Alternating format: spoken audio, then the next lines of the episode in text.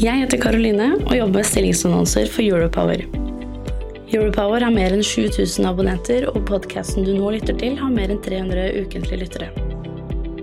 Hvis du er på jakt etter ny jobb, se stilling.europower.no. Ta også gjerne kontakt med meg dersom du ønsker å annonsere ledige IT-stillinger i fornybar energibransje.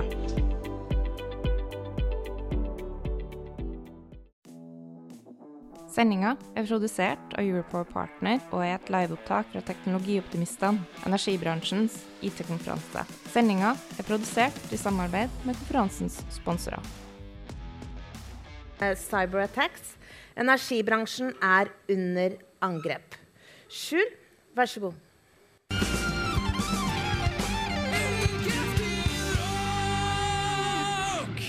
Jeg fikk en eh, melding på, på eh, intranettet vårt i dag fra konsernsjefen vår og vår styreleder, som minner om at alle må gjennomføre sikkerhetsopplæring. Eh, jeg tror det gjelder de fleste av eh, oss, eller dere. At eh, vi er i et nytt eh, regime nå, der eh, vi blir angrepet. Med oss her har vi Espen Gulbrandsen, SISO Statnett. Eh, vi har Brynjar Larsen Aas, eh, chief, eh, ja, egentlig SISO igjen, bare med hele ord, Yes. i Volue. Vi har Katrine Wange Singstad, partner i Otte. Og vi har Boje Tranum, head of Norway Operations Cybersecurity i DNV. Det er krig i Europa. Og energiforsyningen er, og energi er en del av den krigen. Og, og dermed så er vi indirekte en del av dette. Eh, kan starte med Espen i Statnett. Hva er worst case scenario som dere har diskutert at kan skje? Worst case scenario er jo at vi ikke er i stand til å utføre systemdriften, altså styre kraftsystemet. Eh, Det er jo det verste som kan skje. Eh, Så finnes det selvfølgelig tiltak for å forhindre det, og på en måte også gjøre det uten IT-systemene. Eh, nå er jo disse statlige aktørene er jo noe vi på en måte har hatt på agendaen vår også før den krisen vi står i nå. Vi har blitt advart mot det fra PST og NSM og andre at disse er interessert i oss. Og derfor har vi også forberedt også på at de kan komme til å angripe oss. Så det er for så vidt ikke nytt, men, men det har selvfølgelig tilspisset seg i den situasjonen vi står i nå. Også pga. våre gassleveranser. Altså Norge er en stor gassleverandør til Europa. Og gassleveransene er helt avhengig av strøm på en måte for å kunne fungere. Tror du at de klarer å ta ut strømmen, altså ta den ned, ikke for evig, men for eh, en liten periode? Eh, tror, du, tror, tror vi kommer til å oppleve det de nærmeste årene? Nei, personlig så tror jeg ikke det. Eh, Jeg tror nok at vi kommer til å se angrep. Men jeg, jeg mener jo at kraft og kraftforsyningen er såpass god og robust at man på en måte også skal kunne klare å styre uten kanskje IT-systemene. Eller man skal kunne klare å styre uten IT-systemene. Eh, Jeg har et spørsmål til salen. Eh, Har dere et eget beredskapslager med hermetikk og vann hjemme? Ja. Da er det jo sånn da, at vi deler data, og da kan vi også dele litt på hermetikken hvis, uh, hvis uh, vi mister uh, tilgang på dette. Hvis vi spør dere, Brynjar, har, har, de- har du et hermetikklager hjemme? Har litt, men det Det server vel delvis som turutstyr, så det har litt sånn både òg. Katrine, har du det? Jeg skal innrømme at det har jeg ikke, men jeg har jo det en vanlig husholdning har. Litt sånn Noe som har gått ut, og noe som har ikke gått ut i skuffer og skap. Så litt har jeg. Og jeg har tenkt å kanskje skaffe meg det. Uh, og Boje Tranum i DNV, har du det? Ja, jeg bor på landet og er vant til å ha både dyr og, og mye folk rundt. Ja, vi skal klare oss i mange dager. Og måneder. Og Espen, har det. Ja, jeg, jeg har også det. Og jeg, jeg tok det litt i meg her. Altså, eh, når man gikk og kjøpte jodtabletter, så liksom, da følte jeg at oi, nå, nå begynner det å bli litt alvorlig her. Nå må man på en måte tenke gjennom en del ting. Og da var det kanskje da det gikk opp for meg for at vi er, i en veldig spesiell situasjon. Nå kan du bygge nettverk og dele erfaringer med teknologioptimister gjennom hele året. Teknologioptimistenes nettverk består av både kunder og leverandører innenfor IT og fornybar energibransje. Vi møtes seks ganger i året på samlinger der bransjen presenterer konkrete prosjekter og diskuterer problemer og løsninger. Aktører i bransjen kan tegne medlemskap på selskapsnivå. Se teknologioptimistene.no for mer informasjon om nettverket. Uh, vår søsteravis Dagens Næringsliv har skrevet mye om at NVE i februar anmeldte en Statnett-leverandør uh, for kopiering av data om kraftsystemet. Uh, og da Statnett anmeldte dem ikke. har dere for stort fokus på IT-sikkerhet og for lite fokus på utro tjenere hos leverandørene? Um, nå vil jeg ikke kommentere denne saken, for den er jo politianmeldt og er under etterforskelse. Men, men jeg vil jo si at vi er jo vi bruker mye tid på innsidetrusler og også på leverandørene våre. Stille gode krav til dem, følge dem opp. Eh, så jeg vil jo ikke si at vi, vi bruker lite kapasitet på det heller. Men er leverandørene svakeste leddet? Altså, Angriperne går jo etter det svakeste leddet. Det har vi jo sett hele tiden. Eh, de, ofte gjør de det. Eh, og vi ser jo at ofte går det gjennom leverandørene. Microsoft har også advart om det. De ser en trend på at man går gjennom leverandørene for igjen å nå de store. Så eh, det er vel en grunn til det, men, men, vi vet jo at leverandørene også jobber med dette hele tiden. Uh, Brynjar, Volju ble hacka. Vi ble det. Uh, hva var det som skjedde? Uh, det som skjedde, var jo at vi hadde en kan begynne å si at vi hadde, vi hadde, veldig mye logger tilgjengelig, så vi var veldig i stand til å tegne et godt bilde av hendelsesforløpet veldig raskt. Det vi så, det var jo at et brukernavn og passord til en av våre kunder kom på avveie.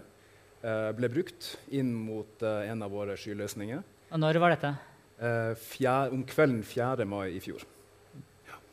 Eh, mange tror jo at hack, sånne, sånne type hackangrep er eksepsjonelle og ekstremt avanserte osv. Uh, angriperen logga inn på en kundeløsning uh, til oss. Um, var i stand til å uh, skaffe seg administrative rettigheter. Uh, gjorde det som kalles lateral bevegelse og tok seg inn i våre interne system. Uh, Planta et skript, kjørte det og fikk kryptert store deler av den interne infrastrukturen til Volue Technology. Så det var jo avgrensa til den, det segmentet. hvordan var det å være deg da? Nei, det var spennende, det. Uh, det er vel kanskje det mest krevende jeg opplevde i hele mitt liv. Um, jeg fikk jo den telefonen tidlig om morgenen den uh, eh, 5. mai. Uh, da hadde det her skriptet som jeg nevnte, fått kjørt i to-tre timer. Skaden var skjedd. Um, og vi forsto ganske raskt at det her var krise. Um, tok, det var jo midt i koronaperioden, så var jo, mange var på hjemmekontor. Eller de fleste var på hjemmekontor. Um, men vi fant ut at vi måtte inn til kontoret. Og imellom den første meldinga jeg fikk, uh, og, og, like etterpå tok vi en, en treminutters telefonsamtale der vi egentlig bare fant ut at det her var ekte. Det var, ikke, det var ikke noe som ikke var så ille som det så ut til først. Det var, det var veldig ille. Det var mai, så det var ikke 1. april? Nei, det var ikke det. Så da var det egentlig bare å trykke på knappen og sette i gang med krisehåndtering. Ja. Og, og, hva gjør man da når man trykker på den knappen? Det vi gjorde, var jo at vi fulgte rutinene våre. Uh, vi har jo en beredskapsplan. Um, jeg bor på Vikhammer, som er midt mellom Trondheim og Værnes. Det tar meg ca. 20 minutter å kjøre inn til byen.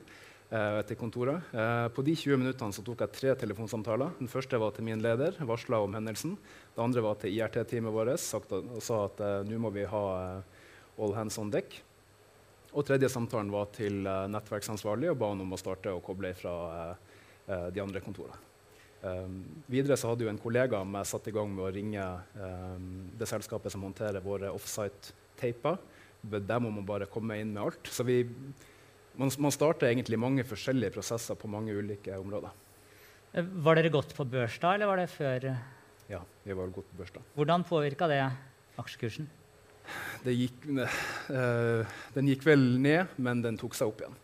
Så jeg tror ikke den tok en solid hit fra kun det angrepet alene over lang tid. Da. Hvor mye kosta angrepet dere i kroner og øre? Har dere klart å regne, regne på det? Det offisielle tallet er ca. 40 millioner. Det er det vi har gått ut med. Hva, hva tenker du rundt det? Hva, gjorde ikke du en god nok jobb i forkant? Det kan man gjerne spørre om. Um, svaret mitt der er at vi var på vei. Um, da dette skjedde, så uh, var vi på vei fra å være fire forskjellige selskap til å bli ett. Uh, Volue er jo et forholdsvis nytt selskap uh, bestående av bl.a. Powell, uh, der jeg kommer ifra. Og da hendelsen skjedde, så var vi i ferd med å migrere til en felles teknisk plattform for Volue. Um, vi hadde gjort ganske mye, bl.a. det her med å få opp endepåndsikring, eh, logging osv. Eh, og så hadde vi vel kanskje ikke kommet langt nok, for å si det sånn. Eh, DNV jobber jo globalt eh, og har på en måte et overblikk over hva som skjer i hele verden.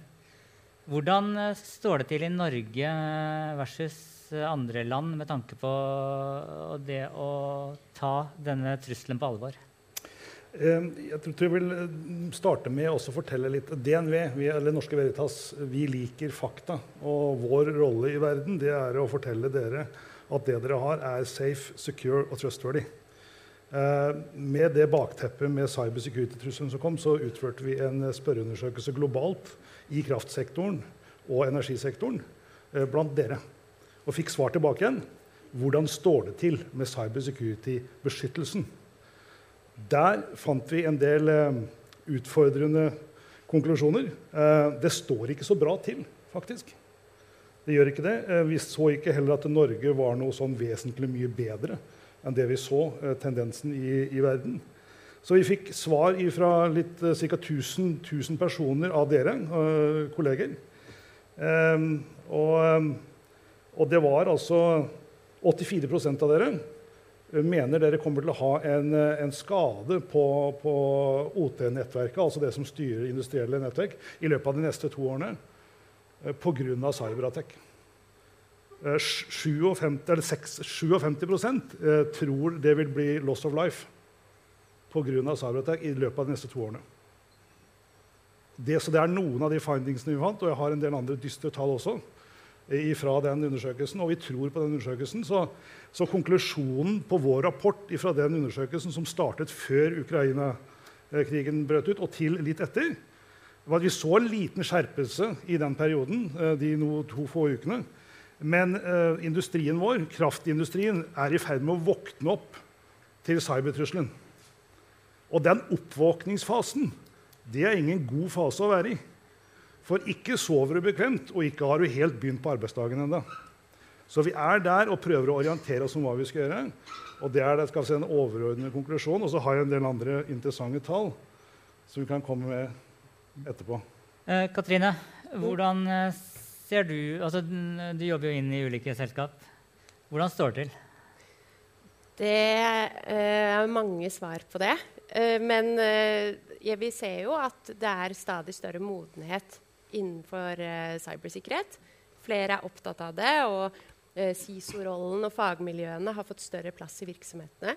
Eh, men så er det jo mange størrelser på virksomheter. Eh, og det er jo ulike sektorer, og man har kommet forskjellig. Eh, så det er jo flere områder som eh, man trenger å jobbe mye mer med. Sånn som f.eks. samarbeid. Og ikke bare internt i en virksomhet eller internt i en sektor, men også på tvers. For det henger jo tett sammen. Og det er veldig mange områder man kan samarbeide på som man ikke utnytter så godt nå. Eh, F.eks. det å stille gode, riktige krav når man anskaffer noe, som er et veldig viktig forebyggende arbeid. Eller kompetanseutvikling.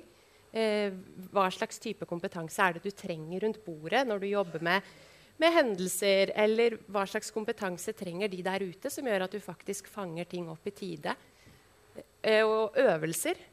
Øver man sammen? Øver man på tvers av sektorer? Eh, så det er veldig mange som har mye å jobbe med fortsatt. Men uh, man skal jo ikke la en god krise gå fra seg. Og det har vel kanskje dere erfart, da, hvor, uh, hvor dere har vært i en hendelse. Og det er jo ikke alle som engang vet hvor den røde knappen er. Man sier at man skal trykke på den, men hvor er den? Og har man da god nok oversikt over eget hus og hvem som er berørt rundt seg? Uh, Brynjar, eller uh, Katrine nevner samarbeid. Uh, hvor kom Kraftsert inn i bildet? For Kraftet er jo et form for samarbeid mellom energiselskapene, er det ikke det? På, ja, du kan si Jeg kan bare si, jeg er jo styreleder i Kraftstart. Ja. så burde vite det.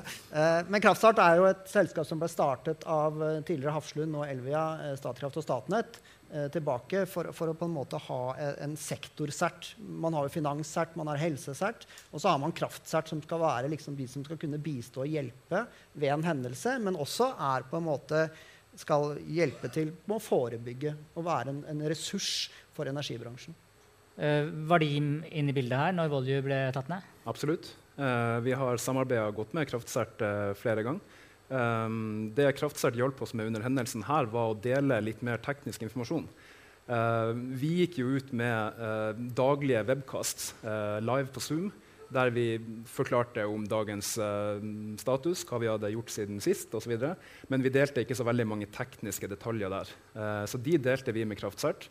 Så kunne Kraftsert dele det videre med andre serter innenfor de andre miljøene. Eh, våre kunder og andre som ønsker eh, å få vite litt mer tekniske detaljer og såkalte indicators of compromise. Eh, er, det, er, dere med i Kraftsert?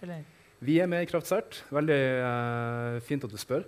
Eh, fra, eh, vi har jo vært en pådriver og, og vært på Kraftsert og forsøkt å, å, få et medlemskap der som leverandør. Um, og jeg er veldig glad for å kunne fortelle at uh, forrige uke så signerte vi avtale med, om medlemskap i Kraftsert som første leverandørbedrift. Det var jo grei timing. For, ja. um, noen spørsmål fra dere her i salen. Uh, det snakkes mye om å dele data på tvers av aktører i bransjen for å få i gang innovasjon. Men hvordan finne balansen mellom åpenhet og, og sikring av sensitive data? Uh, hva tenker dere i Statnett rundt det? Nei, og Det er jo et dilemma eh, som vi står i. På den ene siden så sitter vi på mye kraftsensitiv informasjon. Den er regulert ganske strengt gjennom kraftberedskapsforskriften, som vi på en måte alle er regulert gjennom. Eh, og så ønsker vi på den andre siden å dele det for at vi skal utnytte dataene. Jeg mener jo at det er mulig. Vi må bare gjøre det på riktig måte og på en sikker og god måte. Men hva tenker man om at, uh, et, uh, Dette er også et spørsmål fra dere her i sal. Uh, hva tenker man om at detaljert info om kraftsystemet vårt ligger åpent på NVE sine nettsider? man trenger ikke droner for å skaffe seg info, liksom. Med sett. hva tenker du om det? At, man, at, det ligger åpent for hvem som helst? Otte eller Katrine? jeg tenker at dette er en uh, sikkerhetspolitisk situasjon hvor man ser at det kan gi økt sårbarhet. At man vet hvor ting er. Og det er jo ikke bare i, i kraftsektoren det er tilfellet, men i flere så ser man nå at uh, deling som skjer på det nivået som man gjør, kan være en stor sårbarhet. Også, også sett i sammenheng med annen verdifull informasjon. Da. Uh, om tilstedeværelse, om Ja, så er jo det noe man tenker litt på nytt på nå. Men eh, allikevel så er det jo der ute, da. Så selv om du tar det bort, så blir det jo ikke borte. Så det handler det jo om å beskytte seg med andre tiltak òg, da. Og spørsmål til Volju uh, eller Brynjar. Uh, vet dere hvem som hacka dere, og hvorfor? Uh, hvorfor vet vi vel. Um, det er jo mange som tror at du blir hacka pga. hvem du er, eller at du er på børs, eller at du er en viktig aktør. Uh, I noen tilfeller så stemmer nok det, uh, men i de aller fleste tilfellene så blir du hacka fordi at du kan bli hacka. Uh, det er også vår klare oppfatning. også vårt IRT-team sin klare oppfatning. det var opportunistisk, og, var, og det var finansielt motivert. Ikke noe spesiell grunn utover det. vi har jo navnet på um, familien. Um, det var jo en Ryuk-malware. Um, Hvilken gruppe som står bak det, det vet vi ikke. Uh, har det endra beredskapen til Volju, denne hendelsen? Ja, absolutt. Hva gjør dere nå som dere ikke gjorde før? Vi har gjort uh, ganske mye det siste året. Uh, en av de viktigste forbedringene vi har gjort, er um, at vi har identifisert og retta opp i en hel del sårbarheter som var med på å muliggjøre angrepet, stort og smått. Uh, men vi har også kraftig forbedra vår 24-7-overvåkning. Uh, vi har gått ifra å ha en avtale med Athea på uh, IRT, altså Incident Response, til å være en 24-7 SOC-tjeneste. Security Operation Center. det er et prosjekt vi har kjørt nå i mange måneder og, og rulla ut i ulike faser. så nå har vi 24-7-overvåkning og alarmering på veldig, veldig, veldig mye av vår egen interne og kundevendte infrastruktur. Nå kan du bygge nettverk og dele erfaringer med teknologioptimister gjennom hele året. Teknologioptimistenes nettverk består av både kunder og leverandører innenfor IT og fornybar energibransje. Vi møtes seks ganger i året på samlinger der bransjen presenterer konkrete prosjekter og diskuterer problemer og løsninger. Aktører i bransjen kan tegne medlemskap på selskapsnivå. Se teknologioptimistene.no for mer informasjon om nettverket.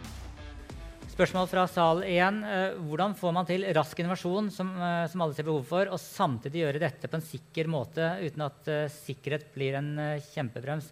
Uh, Boje Tranum DNV, har, hvordan kan man få til innovasjon uten å he hele tida må ta alt gjennom uh, jakta på sikkerhet? Ja, Sikkerhet er en liten hemsko. Det, det litt, gjør ting litt mer trøbbelsomt. Uh, men uh, en, en, del av det vi jobber med, det er at man må lage cyber security som en disiplin.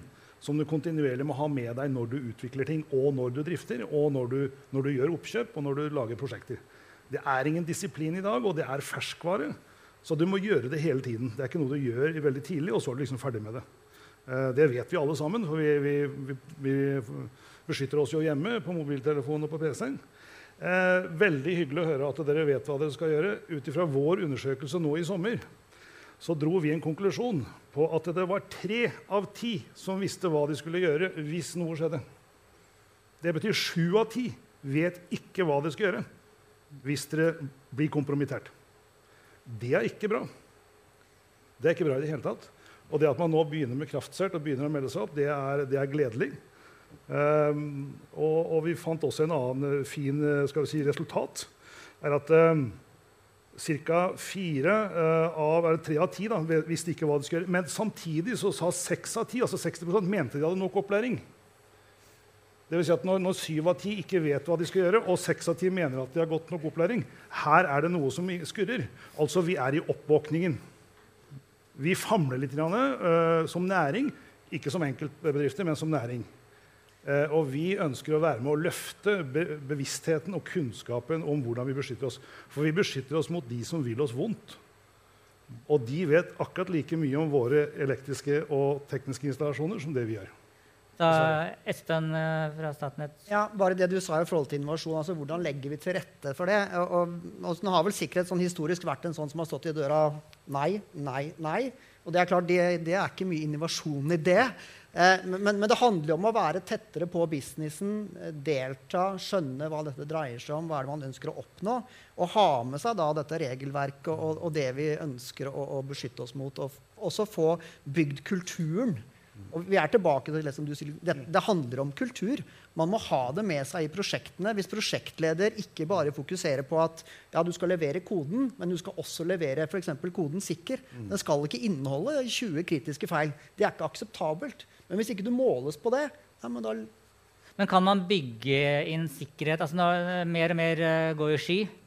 uh, kan man bygge inn sikkerhet sånn at ikke hver enkelt utvikler må tenke på dette hele tiden? Ja. sikkerhet, sikkerhet uh, har i hvert fall tre aspekter. Det har den tekniske sikkerheten. Og det er hvordan du gjør, bruker den tekniske løsningen for å bygge sikkerhetsmekanismer. Så har også den organisatoriske og den, og den personelle. Altså Alle som er involvert, både organisatorisk og, og, og folk, Eh, er faktorer inn i det å bygge sikkerhet. Eh, og hvis du har en utro tjener eller en som slurver med passord, så spiller det ingen rolle om du har veldig bra tekniske løsninger. Så du må ha helhetsbildet, men også beskytte deg mot, eh, mot de som ønsker å, å, å kompromittere oss. Katrine? Ja, det er jo som du sier, Mørketallsundersøkelsen til Næringslivets sikkerhetsråd viser jo også at fire av ti oppdager hendelser tilfeldig eller gjennom medieoppslag. Eh, og er det egentlig en hemsko å jobbe med sikkerhet? Eh, vi ser jo at for mange er det også en stor fordel. Fordi du får en helt annen oversikt over um, dataene du har, verdiene dine, hvordan de flytter seg på tvers. Så det handler jo ikke alltid om å bygge nødutgangene inn etter huset er ferdig. Så hvis du jobber med dette kontinuerlig og vet hva du har, uh, og har de rette menneskene med deg, så så er det veldig mange store fordeler, og det blir ikke det store sikkerhetsprosjektet hver gang du skal få til noe. Mm. Og det handler også om å vite hvordan menneskene hos deg jobber, og hva de trenger for å gjøre jobben sin. Eh, og hvis du forstår det, så kan du i hvert fall fokusere på de riktige tingene. Eh, ikke alt mulig som alle andre gjør, som ikke nødvendigvis har noe verdi hos akkurat deg. Hva tror dere? Eh, tror dere at hackere vil lykkes med å ta ut strømforsyningen i Norge i løpet av 2023? er spent. Ikke totalt. Det er jo en gruppe optimister. Det er bra. ja, det var, det var da noe. Ja, vi har V4 hjemme, så får komme til meg hvis dere tar feil. Uh, nettselskapene ja, og også Statnett har mye teknisk gjeld og gamle løsninger. Mye nytt, men også mye teknisk gjeld. Eh, er det et stort problem eh, med tanke på IT-sikkerhet? Eh, Espen? Altså, vi er vel ikke den eneste bransjen som har det heller, som lever i det. Men, men, men jeg tenker det dreier seg om å på en måte vite hva du har. Ha oversikten, kjenne til sårbarhetene dine og på en måte gjøre eh, tiltak for å redusere konsekvensene eventuelt hvis det skjer noe. Så det er liksom på en måte du må, ha, du må, vite om det. Du må ikke bare tenke ja, det står der, og jeg vil helst ikke vite om det. Du må kjenne til det, du må kjenne til sårbarhetene rundt det, og så må du gjøre tiltak for å beskytte det. Fordi du ikke kan gjøre noe med det, sannsynligvis. Og et spørsmål fra Sal, uh, som ikke går på teknisk gjeld, men som går på skikkelig stål. Uh, hvordan jobber dere mot fysiske angrep mot, uh, mot kraftlinjer, f.eks. kutte barduner? Ja, eh, Nå skal det sies at eh, vi har jo brukt mye tid på cybersikkerhet, og og sånne ting, men så fikk man liksom Nord Stream og denne ødeleggelsen av denne gassledningen. Det var på en måte en liten sånn key changer for hele situasjonen. Og vi bruker også mye tid på å se hvordan kan vi beskytte våre infrastruktur fysisk. Men det er klart, vi har en infrastruktur som går over hele landet. Det er fysisk umulig å beskytte den eh, mot fysisk angrep. Um, spørsmål til sal. Har dere en beredskapsplan dersom hackere gir bedriften sorte skjermer? Eller kjenner dere til planen? Nei.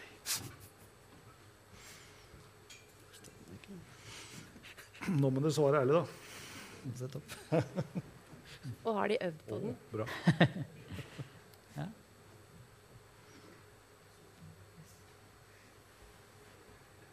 Så 64% har det. Eh, da er det et siste spørsmål eh, som hver av dere kan svare kort på. Eh, et råd til de som sitter i salen, på hva man skal gjøre for å redusere risikoen for et vellykka angrep. Og da kan vi jo starte med de som ble ramma. Brynjar? Det spørs jo hvor man er i uh, prosessen. da. Um, jeg har jo tidligere sagt at det er mange som lurer litt på hvor man skal starte. Uh, og der er jo mitt klare svar at man trenger ikke å finne opp hjulet på nytt. Uh, for det finnes så utrolig mye kompetanse der ute og, og materiale fra før som man kan og bør gjenbruke. Uh, vi gjør det også. så utnytte konferanser som dette, artikler på nett, partnere osv. Og, og hev bevisstheten. Alt starter med bevissthet. Katrine? alt det han sa. Og eh, i tillegg eh, samarbeid med de rundt dere. Finne ut hvem dere er en del av, og hvem som er en del av deres sikkerhet. Og Espen? Ja, eh, henger på der. Men vel også altså NSM sine grunnprinsipper. Det er mye som er gjort hvis man har gjort basisen der. for å si det sånn. Og det er ofte det vi ser det feiles på. Mm. Det er de enkle tingene. Har vi kontroll på de, så har vi i hvert fall gjort mye. To ting fra det han vet til slutt. Eh, fokuser på leverandørkjeden din. Eh, det svakeste leddet er ofte i en av de små leverandørene som leverer inn til deg.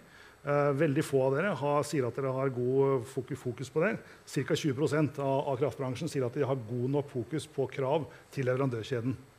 Det er det ene. Det andre det er eh, fokus på uh, cybermodenhet i samarbeidspartnerne. Og vi i DNV har lansert en gratisundersøkelse basert på NSM sine grunnprinsipper som er tilgjengelig på nettet, til å ta som egenvurdering av modenhet hos deg selv og hos dine underleverandører.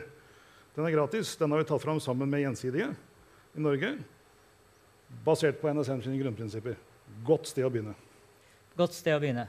Tusen takk til Espen Gulbrandsen, Brynjar Larsen Aas, Boje Tranum og Katrine Wange Singstad.